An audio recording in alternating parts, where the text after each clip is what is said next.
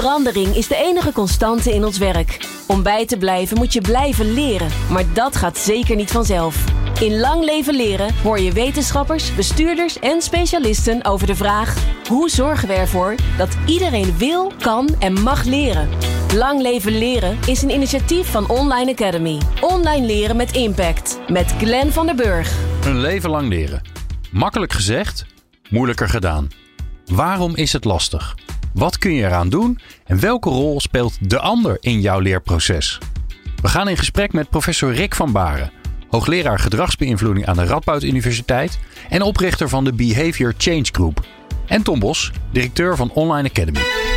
Lang leven leren. De podcast. Tom Bos en Rick van Baren in de studio. Rick, wat leuk dat je er weer bent. Ja, uh, Thuiskomen. Dit is uh, echt even weer. Uh, hier had ik zin in, dit uitje. Ja, ja zeker. Ja, ja, zit jij al lang opgehokt of niet? Nee, ik zit niet opgehokt. Ik ben meestal gewoon aan het werk in mijn kantoor. Ja. ja als maar niet naar de universiteit? Nee, universiteit niet. Maar ik zit meestal gewoon in mijn bedrijf of buiten aan het wandelen. Ja. Tom, hoe is het met jou?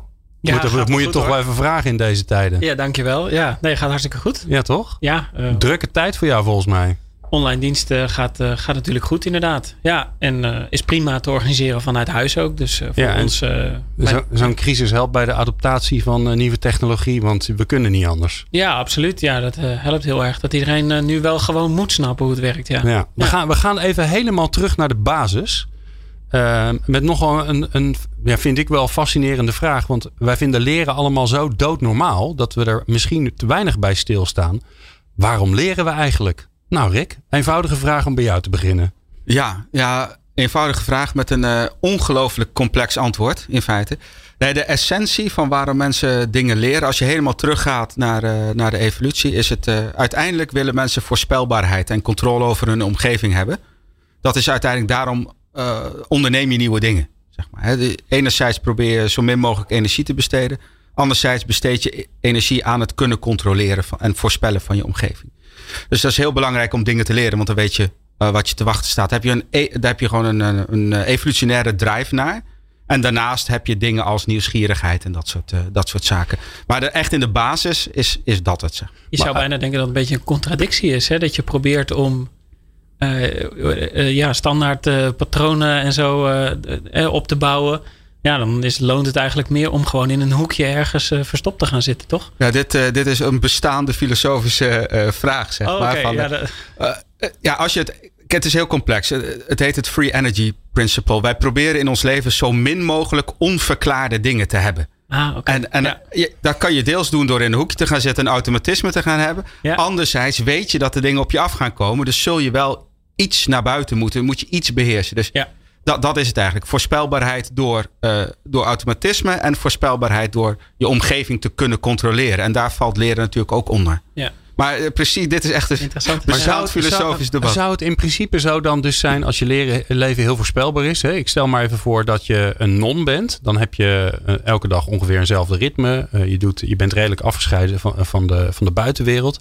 Dat je dan eigenlijk niet zoveel drive hebt om dingen te leren? Ja, nou, dat is wel een extreem voorbeeld. Uh, wat je daar, daar zul je uh, iets kunnen krijgen als onderstimulatie. Zeg maar, als je onderstimulatie hebt, dan ga je op zoek naar, naar, naar dat, dat noemen ze een heel hip een bore-out. Ja, ja. In, in, feite wel. Ja, ja grappig. Ja. ja, maar je, je zoekt dus een balans tussen uh, gewoontes, automatisme, voorspelbaarheid, al die dingen. En een beetje exploratie om uiteindelijk grip te hebben. En wat je natuurlijk heel veel de laatste tijd hoort, en zeker als het gaat over de, de, de jonge generaties, dat ze zeggen, nou weet je, persoonlijke ontwikkeling, hè, kunnen leren, dat is een voorwaarde voor ze. Is dat een beetje bedacht? Want het klinkt bij jou, als jij het zegt, klinkt het toch als voor een groot gedeelte ook een soort van moetje. Je moet wel leren, want de wereld om je heen, je komt dingen tegen die je niet kunt voorspellen, die je niet snapt. En dus moet je gaan leren. Ja, nou, ik kan me ik, ik weet dit niet specifiek, maar ik kan me voorstellen dat de generatie waar je over praat. Um, veel minder vastigheid heeft en voorspelbaarheid dan. Ik wil niet zeggen onze generatie, maar generaties daarvoor. als je, waar het normale was dat je een bepaald patroon inging en iemand opvolgde of wat dan ook. En volgens mij, eh, als je het over millennials hebt, die hebben gewoon minder duidelijkheid en meer mogelijkheden. Waardoor het ook belangrijker wordt om daar dus grip op te krijgen en te, en te ontwikkelen. Absoluut. Ja, ja. En zou het voor hun dan ook makkelijker zijn om te leren? Of is dat juist weer niet zo? Ja, enerzijds zijn ze het gewend, volgens mij, wat meer gewend om met onduidelijkheid om te gaan. Aan de andere kant zie je wel dat het bij uitstek een groep is waar, uh, waar wel uh, burn-out verschijnselen en, uh, en allerlei narige, narigheid qua psychologie zit. Hè? Die, die misschien ook daar wel mee te maken heeft. Met dat je niet echt die, die voorspelbaarheid en die grip hebt die eerdere generaties wel hadden. Ja, dus daar mag wel wat meer zekerheid in, in die levens. Ja, ja ik denk dat dat dat wel een van de dingen is, ja. Ja, ik denk dat het een van de problemen met millennials is. Ja, ja. ja we gaan nog één basisvraag Jij mag altijd wat vragen, Tom. Oh, gelukkig. Ja, nee, ik was zo benieuwd zeg maar, hoe jij dat ziet, Rick.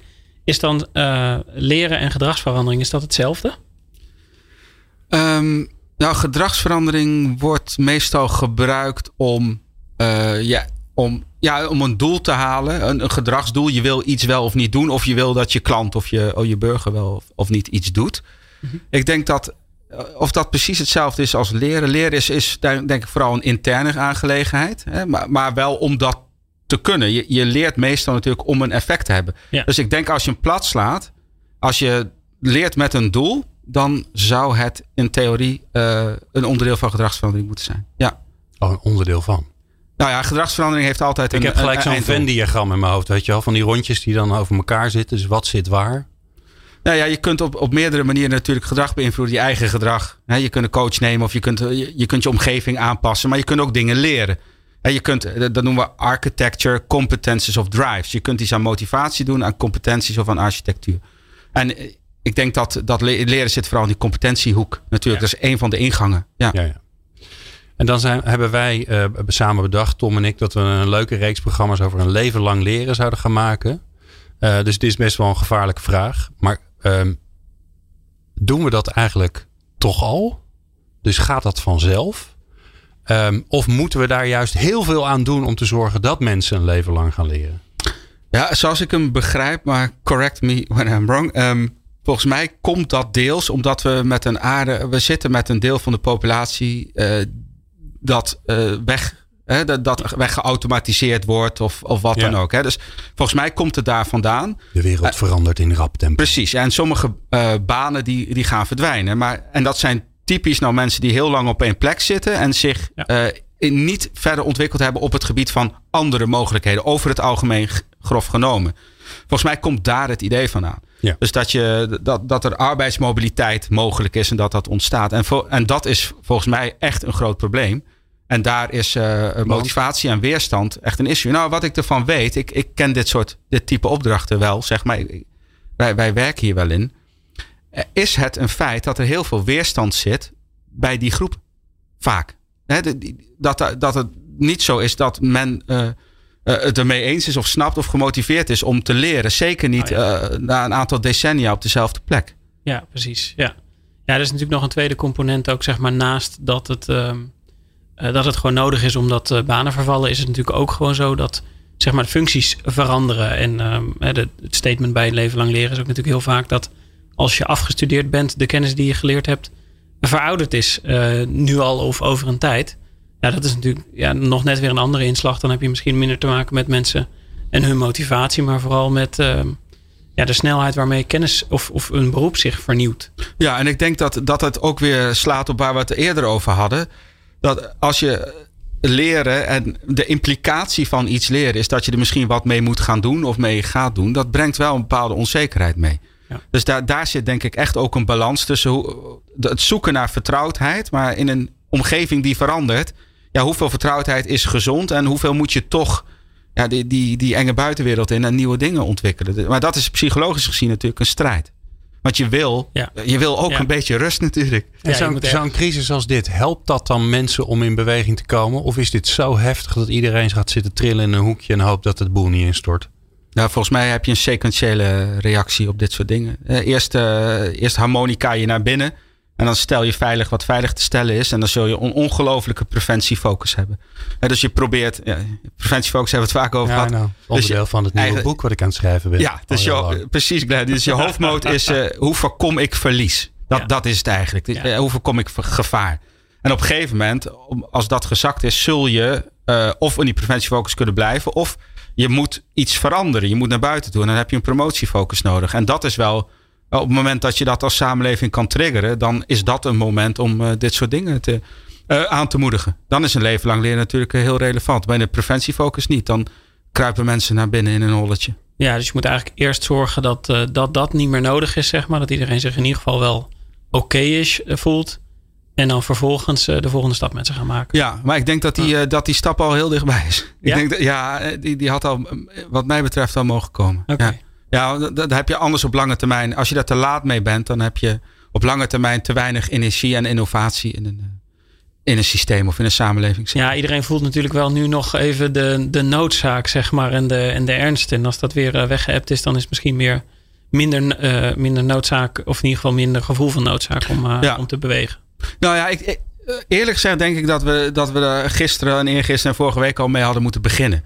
Kijk, het punt is, je weet heel duidelijk wat je niet moet doen, wat niet, niet gezond is, zeg maar. Dat kun je uit angst doen. Ja. angst van, oh, straks wordt het weer erg. Of oh, oh, angst, dan komt het terug. Of je kunt het doen vanuit, wat kunnen we winnen? Wat kunnen we, gegeven dat dit niet mag, dat dit niet kan, wat kunnen we wel? Hoe stimuleren we dat we wel naar, naar oplossingen gaan, naar creatieve oplossingen gaan, naar innovatie gaan? Ja. En, en dat, dat mis ik een beetje. Nou, sterker nog, volgens mij werd er prachtig geïnnoveerd in. Waar was het ook alweer? Er was een stad en dan wilden ze, wilden ze een soort uh, proefopening gaan doen. Vond ik zo slim. Breda. Vond ik echt heel slim. Want dan denk ik, nou, dan ga je de proefopening doen. Dan kom je erachter waar de fouten in het systeem zitten. Ja, dat mocht dan niet. Uh, want het was te vroeg en volgens de regels mocht het niet. Ik dacht, ja, dat vind ik nou, daar hou ik nou juist van. Ja, ik weet niet wat de exacte reden was dat het niet mocht. Maar ja, het is wel uh, jammer qua uh, promotiefocus. Ja, ja absoluut. Ja. Nou ja, los van het feit dat het gedrag van mensen nogal lastig te voorspellen is. Dus ja, hoe ga je er straks mee om als inderdaad iedereen tegelijk besluit om toch naar dat terrasje te gaan? Ja, maar dat is ja, als ik heel even mag, maar dat, dat vind ik ook het grote probleem met preventie en promotiefocus nu.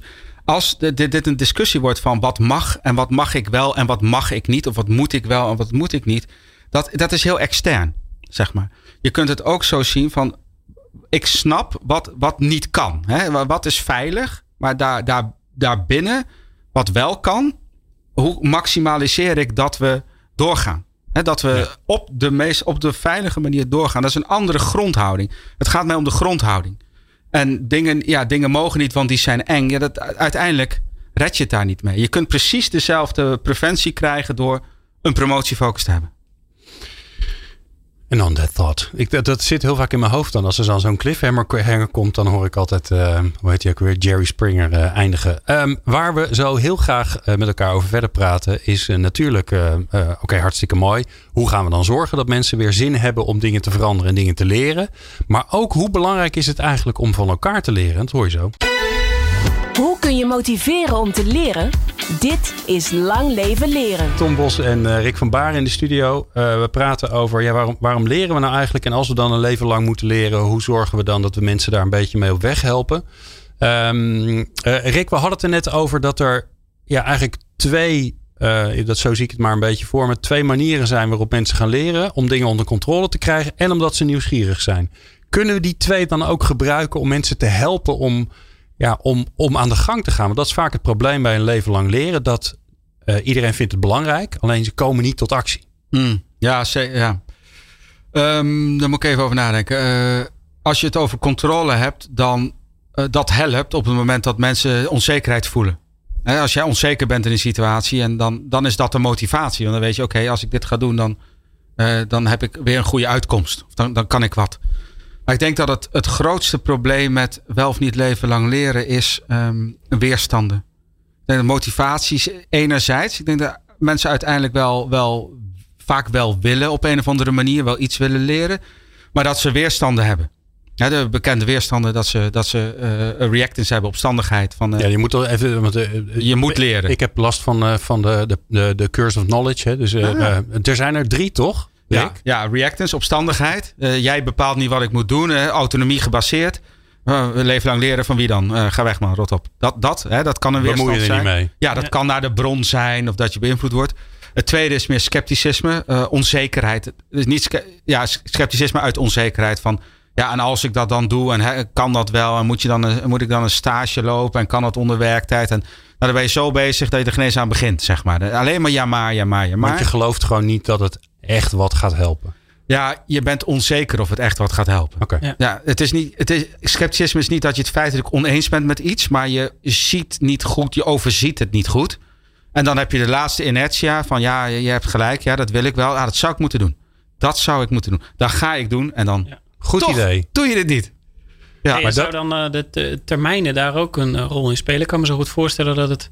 Ik merk dat het in ieder geval zelf altijd, als ik eh, beslissingen over langere termijn zou moeten nemen, of met name als ik iets moet leren wat eh, groot is, zeg maar, en wat lang gaat duren, dat ik daar ook veel minder snel aan, eh, aan begin, zeg maar, dan, eh, dan, Ja. dan korte termijn. ja, ja, zeker die kleine stapjes en, da- en dat soort dingen. Dat, ja, dat voet in de deur, dat is heel belangrijk bij dit soort zaken. ja, ja. Ja, ja hoe groter het is, hoe meer die scepticisme ook, ook optreedt. En die Ja, inertie precies. eigenlijk ook.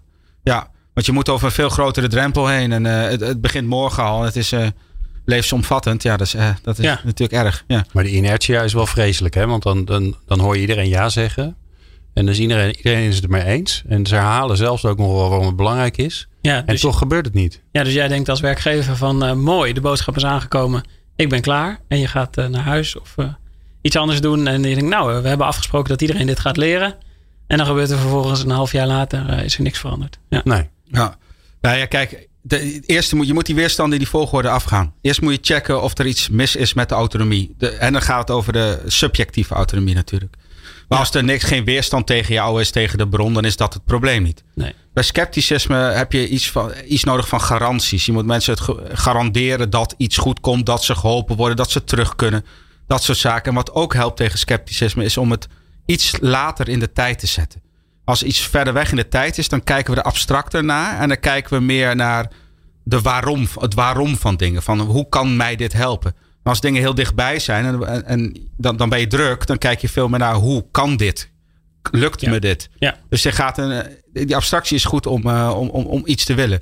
En bij inertia is eigenlijk de crux dat je met verschillende technieken eh, het ja van mensen in, in gedrag eh, laat uitmonden. En da, daar zijn gewoon, ja, daar heb je commitment technieken voor nodig. Dus je, je moet eigenlijk al die drie die weerstanden langslopen. En zeker die laatste is dan wel een hele spannende. Ja, da- ja dan moet je wel iets. Dan Omdat het, zo, het, voelt, nodig. het voelt zo van ik word in de maling genomen gewoon. Je zegt, je, je zegt ja en je doet het gewoon niet. Heb je Dus het persoonlijke voelt ook, eh, ervaringen, Glenn? Het klinkt alsof... ik, Godsamme eh, zeg, nou, zullen we daar een keer een hele aflevering... Nee, dat valt best wel mee. Nee, maar ik, ik kan me zo goed voorstellen dat je... Zeker als je leidinggevende bent en je zegt... Nou jongens, dat gaan we doen. Hè, dat gaan we doen. Ja. We hebben alle stappen en je hebt al openheid en eh, alles gedaan. En dan, en dan gebeurt het toch niet. Dan denk je, ja, Ja. kom op hé. Ja, dat is, dat is mijn leven. Ja. Dan ga je het heel erg op jezelf betrekken. Ja, maar dat moet je niet doen. doen. Kijk, als, je, als jij snapt waar die weerstanden vandaan komen. Reactance, scepticisme en inertia. Dat zijn gezonde reacties van mensen om bepaalde basisbehoeften te beschermen. En je bent opstandig omdat je bedreigd wordt in je autonomie. En je hebt gewoon autonomie nodig om een gezond persoon te zijn psychologisch. Ja. Dus gebeurt er iets wat, waarvan je denkt, hoe dat bedreigt het, dan moet je dat herstellen. En scepticisme hetzelfde. Al- Als iets heel onzeker is en jij overziet de gevolgen niet, dan is het verstandig om daar niet meteen in te rennen. En inertia ook. Als je alles doet wat je zou kunnen doen, zou willen doen, zou moeten doen, dan word je gek. Dus dat zijn op zich, daar mag je daar best empathie voor hebben. Maar als je dat geconcludeerd hebt, dan, dan weet je ook waar de oplossingen Ja. liggen. En ik kan me ook voorstellen dat het fijn is dat het dus niet een persoonlijk ding is. Van ik zeg ja tegen jou, maar ik doe nee, want ik vind je niet aardig. Dat is gewoon een menselijk... het is- Het is gewoon ook gewoon menselijk gedrag. Of ja, menselijk als je het over gedrag. inertia hebt, ja. ja, Ja. Als je gewoon een hekel aan me hebt, dan hebben we een ander probleem. Ja. Maar bij inertia is dat heel menselijk, ja. Is net als goede voornemens, joh. Dat, eh, we hebben een hele bak aan voorbeelden. Ja. Ja. Ja. en de sociale druk speelt misschien ook wel een rol natuurlijk. Van, eh, als je het aan je team eh, mededeelt en eh, vier van de vijf zeggen hardop van nou, eh, dat was ik niet per se van plan of dat, dat spreekt me niet aan. en de vijfde denkt misschien, nou, ik, ik heb er wel zin in. Ja, dan is de vraag of die vijfde nog, nog mee durft te gaan, zeg maar. Ja, in groepsverband is sociale druk een enorm belangrijke drijfveer van gedrag. Absoluut, ja. Dat is een, een, mooi, eh, een mooi bruggetje naar eh, Goed, eh, ons laatste stukje straks. Eh, maar daar zit nog wat tussen. Want ook eh, de column van Aukje Nauta, eh, ook professor. We hebben echt eh, met bakken trekken we ze open hier. Ehm, die gaat ook over, ehm, eh, ja, over bij elkaar zijn en het nut en de noodzaak daarvan. En dat hoor je zo. Hoe kun je motiveren om te leren? Dit is Lang Leven Leren. Aukje Nauta is al jarenlang columnist. Eh, Dit keer kon ze niet live in de uitzending zijn. Dus we hebben haar column opgenomen. En als ik dan met haar bel om de column op te nemen. Ja, dan heb je ook even de tijd om even te kletsen. Dat heb je normaal in de uitzending niet. Dus wij kletsen dan even bij. Ehm, en ja, dat, dat, na dat geklets uh, is dan altijd de vraag: ja, wanneer beginnen we dan bij, met de opname van de column? En in dit geval was, uh, was het zoeken naar het moment van wanneer beginnen we met het opnemen van de column. Eigenlijk een hele mooie aanleiding, een mooie uh, opmaat naar de column zelf toe. Dus ehm, ja, we waren lekker aan het kletsen en toen zei Aukje dit. Ja, zal, zal, zal, ik hem dan maar uh, uh, geven? Of wou je nog meer uh, babbelen? oh, dit was babbelen. Godsamme, doe ik een keer geïnteresseerd, krijg dit dan naar jou geslingerd. Ja, dit is wel leuk, want mijn, mijn column gaat ook over een bakje koffie. Oh. Dus dat gaat juist ontzettend over, over babbelen. Nou, Aukje, laten we ophouden met babbelen. Ik ben heel benieuwd naar je nou, column. Oké, ja, hij, gaat, hij is getiteld Een bakje koffie. Um, ja, wat is voor jou werkelijk van waarde in deze huidige coronacrisistijd? Met die vraag bel ik tegenwoordig rond onder wetenschappers voor de website watisvanwaarde.nl van uh, theatermakers Radio Kootwijk. Ik heb er nog maar twee gesproken, maar ik zie nu al een trend. Het allereerste wat ze allebei zeggen is iets wat ze juist niet meer hebben in deze rottige tijd het bakje koffie in de deuropening van een collega. Of urenlang onderzoeksresultaten bediscussiëren met een biertje erbij op een terras. Dus die ene wetenschapper is wel wat alcoholistischer ingesteld dan de andere. Nou, interactie met collega's is de kurk waarop de wetenschap drijft, zegt de een. En die ander zegt nieuwe dingen opstarten, daar moet je over sparren. Als dat niet kan, dan droogt het op. Nou, informeel contact is ook enorm belangrijk om mentaal een beetje gezond te blijven. Uit wereldwijd onderzoek bij 2700 werknemers blijkt dat 75% zich sinds de uitbraak van de pandemie meer sociaal geïsoleerd voelt. Driekwart ervaart meer stress, bijna 60% ervaart meer angst en meer dan de helft ervaart meer uitputting. Maar dan het ergste. 40% zegt dat sinds de uitbraak hun baas niet aan hen heeft gevraagd hoe het eigenlijk met ze gaat. Al thuiswerkend, oh. gespeend van gezellige collega's. Ja. En deze groep mensen zegt dan ook vaker dat hun mentale gezondheid achteruit is gegaan. Wat een enorme gemiste kans. Dus mensen, zodra je deze column hebt uitgeluisterd, pak je telefoon en bel een collega. Maakt niet uit wie, doe het random, maar bel er een op. Hoe meer we dat met z'n allen doen, hoe beter voor onze nationale mentale gezondheid. Het lijkt zo logisch en toch doen we het veel te weinig. Zo sprak ik laatst een manager die klaagde dat sommige van zijn mensen uit zicht dreigden te raken. Bel ze op, moedigde ik hem aan. Het bleek voor hem een groot inzicht. Hij maakte er een notitie van en zei dat hij er een dagelijkse gewoonte van zou maken. Elke dag even een kwartiertje bellen met steeds één van zijn medewerkers. Zeker nu het er naar uitziet dat corona nog wel even here to stay is, is het des te belangrijker dat we alternatieven bedenken voor dat bakje koffie in de deuropening. En doe dan liever bellen dan zoomen, want eigenlijk leidt zo'n virtueel beeld alleen maar af. Zoals Kate Murphy zegt. Zij schreef een boek over luisteren en gaf een interview aan de Volkskrant. Ze zegt: Een virtueel beeld komt vertraagd binnen, oogt schokkerig. We kijken naar onszelf en zien er van dichtbij afschuwelijk uit. Als je elkaar dan toch wilt zien, Doe dan liever het echte werk. Ga bij een collega langs voor een anderhalve meter wandeling. Oh, en wees dan liever geen gespreksnarcist. Dat vond ik een mooie term in datzelfde interview met Kate Murphy. En dat is iemand die, als je net hebt verteld dat je hele nacht wakker ligt, zelf onmiddellijk begint te vertellen over de chronische slapeloosheid van zijn oma. Ga dus echt luisteren naar je wandelpartner. Al wandelend kun je zelfs af en toe een stilte laten vallen de beste manier om, om elkaar de ruimte te geven. En misschien heb je geluk en tref je onderweg een afhaalbarretje. Kun je ook nog samen een kopje koffie of een biertje doen. Oh. Hoe is het met je oudje? je hebt geen Goed, baas die je belt. Nee, nee, maar ja, misschien, ja, daarom des te leuker Glenn dat jij me even belt. Ja, toch? ja, Ik zal er een notitie van maken. Oké, doe dat. hey, dankjewel voor je mooie, mooie column. Ik zat gelijk mee te schrijven, want uh, zeker van dat, van dat virtuele beeld vind ik wel heel interessant. Dat had ik nog helemaal niet gehoord. Dus veel dank. En ik spreek je natuurlijk volgende maand weer. De laatste inzichten over leren en ontwikkelen. Lang leven leren. Rick van Baren en uh, Tom Bos in de studio. We praten over, over leren. Nou ja, daar kunnen we nog uren en uren over praten. Dat gaan we gelukkig ook doen. Ja, we hebben het uh, gehad over waarom leren we eigenlijk? Uh, hoe werkt het dan ongeveer? Waarom doen mensen het niet? Um, ja, Tom, maar even, toch maar even bij jou beginnen. Um, dat leven lang leren, we weten dat we dat allemaal moeten doen. Ja. Um, het zit ook gewoon in ons werk. Hè? We, we, we, kijken er toch altijd naar dat leren iets bijzonders is. Ik ga nu even zitten leren. Ja. Hoe, hoe werkt dat eigenlijk? Hoe, hoe kijken jullie daarnaar? Nou ja, dat is natuurlijk, ja, dat klopt op zich wel wat je zegt. Je leert eigenlijk uh, de hele dag door. Ik sta nu enorm te leren namelijk. Ontzettend, ja, dat dacht ja. ik al. Ja, vooral omdat Rick er is natuurlijk. Nou, voor jou ook hoor, wees niet bang. nee, het, het, is natuurlijk zo dat er, uh, dat uh, door gewoon je werk te doen, leer je natuurlijk ook wel een hele hoop. Hè? Je, tenminste leer je waarschijnlijk om nog beter datgene te doen wat je al deed, zeg maar. Als je de honderdste keer een spijker erin slaat, gaat het misschien beter dan de eerste keer, zeg maar. Terwijl je nog steeds de spijker erin slaat. Dus je wordt, hoe dan ook, ben je een soort van aan het leren. En uh, ja, dat geldt gewoon uh, voor al het leren door, uh, ja, door, door de dag heen, zeg maar. Het grootste deel van wat je leert is waarschijnlijk niet in een klaslokaal. Want daar, zei ik net al, er zijn niet genoeg docenten voor en niet genoeg geld voor. Nee. Ja.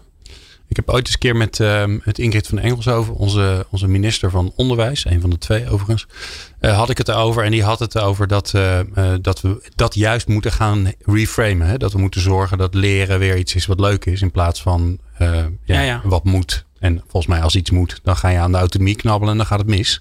Ja, toch je hebt, opgelet in het vorige blok. Ja, ja, nee, ik luister altijd heel goed ja, naar. dank je. Ja.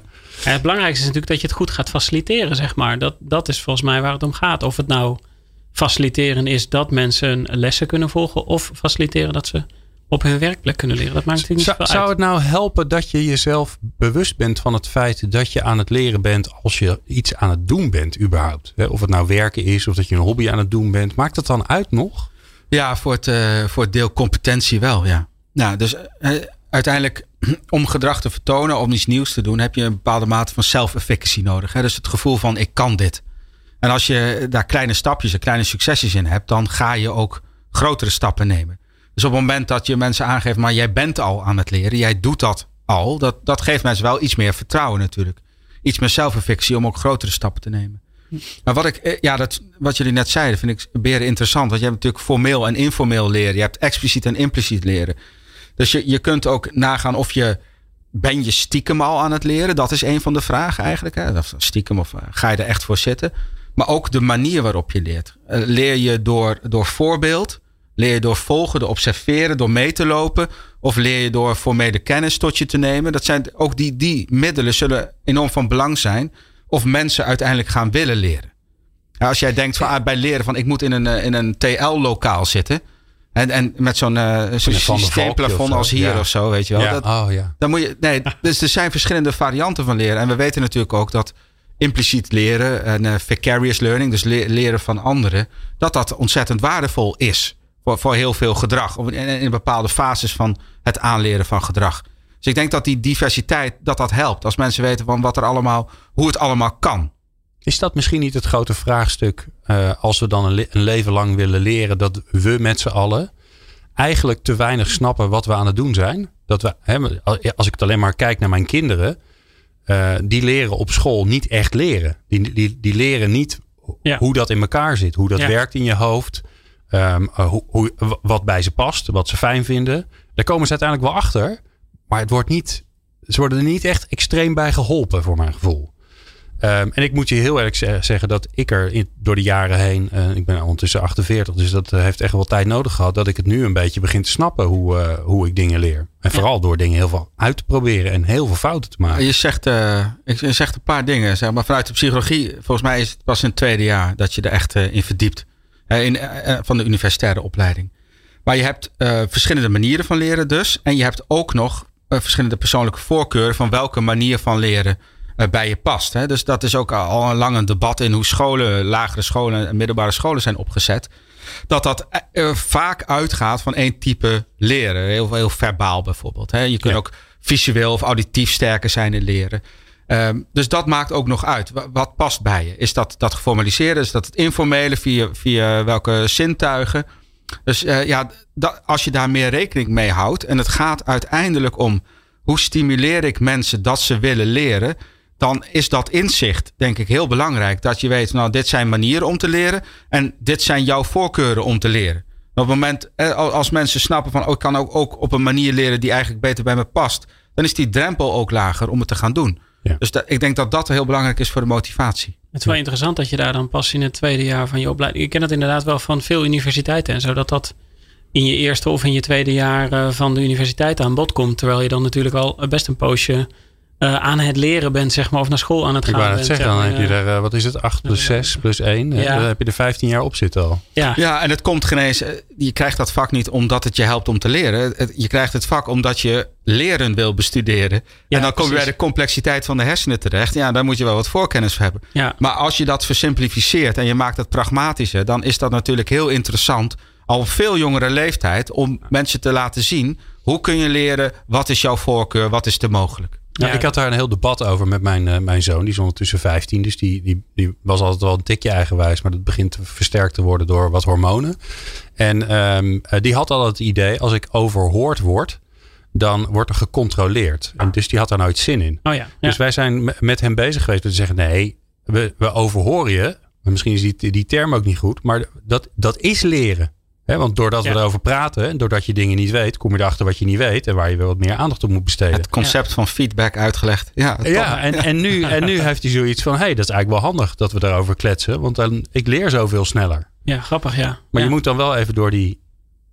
Maar is best heel simpel dan, heen, toch? denk ik. Ja. ja, toch? Nou ja, je hebt dus je hebt een meta-moment gehad. Je hebt hem wat geleerd over leren. Ja. ja dit, dit is precies waar we het net over hadden. Waardoor zijn motivatie om dit te doen verbeterd is. Die denkt, hé, hey, wacht eens even. Dit is een manier om te leren. Ja. Het is wel echt een beginpunt. Uh, misschien uh, als je wilt dat heel Nederland een leven lang gaat leren. Zeg maar dat je ze dan ook uitlegt hoe dat uh, werkt.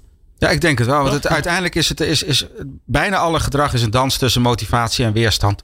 En dit, dit helpt om, om scepticisme weg te nemen. En het, het motiveert je van ik kan dit, ik kan dit, eh, ik vind het interessant, ik vind het niet eng, ik durf dit aan. Ja. Ik denk dat het een hele, hele goede is. Ik uh, typ ondertussen even mee, want je hebt net de titel van deze aflevering bedacht. dus dat moet ik altijd even opschrijven. Um, Oké, en dan gaan we naar. Um, dan gaan we naar een leven lang leren. En ik wil even onze luisteraars, want we hebben al heel veel dingen onderzocht en, en, en al kennis gedeeld, maar ik wil het heel praktisch gaan maken. Um, stel je voor, ik ben uh, um, verantwoordelijk voor leren en ontwikkelen in de organisatie. Ik ben een LD manager. Uh, of ik ben van HR, of ik ben een leidinggevende, maakt allemaal niet zo uit. Maar ik vind het belangrijk dat mijn mensen, dat ik ze help om te leren. Um, we hebben al van alles. Dus er is van alles. We hebben een heel mooi pakket. En we, we, we hebben bij Online Academy hebben we de hele Sante Bekraan uh, gehuurd. Uh, dus iedereen kan alles een beetje doen. Van, van virtueel kantklossen tot, uh, tot een cursus Russisch tot leiderschap. Dat zit allemaal erin. Of een combinatie van die drie. Of spannend. ja. Ik leer nieuwe dingen nu. Ja. um, maar ja, niemand gebruikt. Nou, niemand. De mensen die toch al hier waren om te leren gebruiken het. En de rest niet. Wat moet ik doen?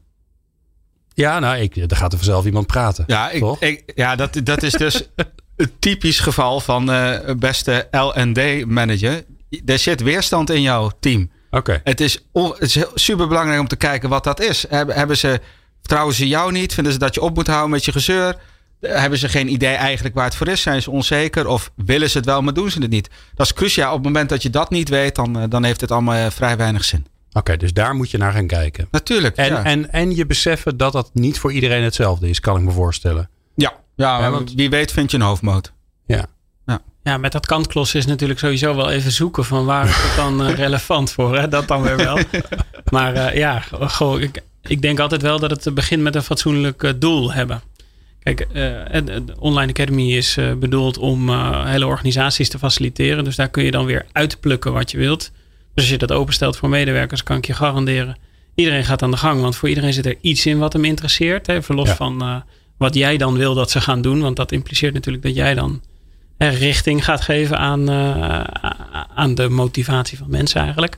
Nou ja, stel dat je dat wel zou willen doen, ja, dan zul je met een, uh, met een heel helder doel moeten komen. Hè, wat, wat dat dan vervolgens gaat opleveren voor de mensen, zeg maar. Dat is natuurlijk dan, als we Rick even horen, slechts één van de drie punten. Maar dat zorgt er in ieder geval voor dat eh, dat helder is welke kant ze op gaan bewegen en wat ze eraan gaan hebben. Ja, en, en dan gaan we even een heet hangijzer doen. Want ik hoor ook altijd heel veel vrijblijvendheid. Hè, van uh, uh, vind het belangrijk, maar het moet uit jezelf komen. Hè. Dus ook een soort overtuiging dat de intrinsieke motivatie van mensen vrijelijk gaat vloeien. Um, wat, wat, vinden jullie van dwang? Gewoon zeggen, joh, dit heb je gewoon nodig voor je werk. Dus je moet dit gewoon, ik heb een vinklijstje, deze vier dingen moet je gewoon gedaan hebben. Je bedoelt ons schoolsysteem gewoon.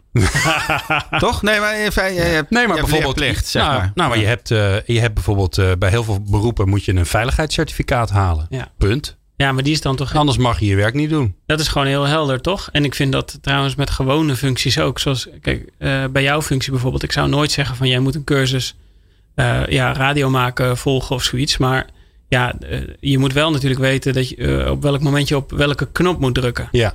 Dus je kan beter, denk ik, daar afspraken over maken. En dan iemand de middelen geven die hij nodig heeft om erachter te komen op welke knop hij moet drukken. Ja, en dan kan jij de keuze maken. Maar ja, om jouw werk uit te kunnen oefenen, moet je bepaalde dingen kunnen. Ja, maar er zijn Ja, natuurlijk best wel wat systemen. Hè? Je hebt ook verpleegkundigen, die moeten ook gewoon die moeten hun punten halen, zodat ze hun, eh, hun, eh, hun Ja. BIG-registratie kunnen blijven doen. Is dat nou verkeerd of werkt dat eigenlijk als een dolle? Ja, maar dat, dat, dat zit in een grotere context van veiligheid over het algemeen. Hè. Dat zijn eh, dingen om veiligheid van de eindgebruikers te garanderen.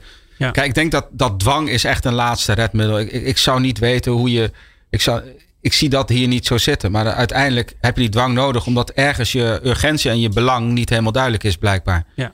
En je, mot- je, hebt, je hebt niet genoeg gedaan om naar de, aan de intrinsieke motivatie te zetten. Da- daar ontbreekt gewoon iets. Dus je hebt in die zin eh, is je werk nog niet af.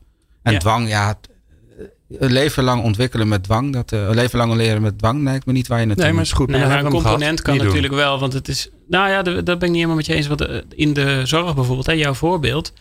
Ja, eh, daar willen wij als Nederland volgens mij op enige manier aantoonbaar maken dat de mensen die dat werk uitoefenen dat ook eh, kunnen. Ja. Ja, dat kan door langs te gaan op een eh, priklab en mensen te laten prikken en dan te kijken natuurlijk. Nou Ja, dat, dat is misschien niet altijd haalbaar. Dat zou het mooiste zijn. Maar goed, ik, ik zit niet in die markt, dus dat weet ik niet. Maar ja, je zult op enige manier dan aantoonbaar moeten maken. Dus dat, dat leren, zeg maar even, dat heeft dan een hele andere functie. Dat is eigenlijk bijna niet leren. Dat is aantonen, zeg maar. Dat is gewoon Ja.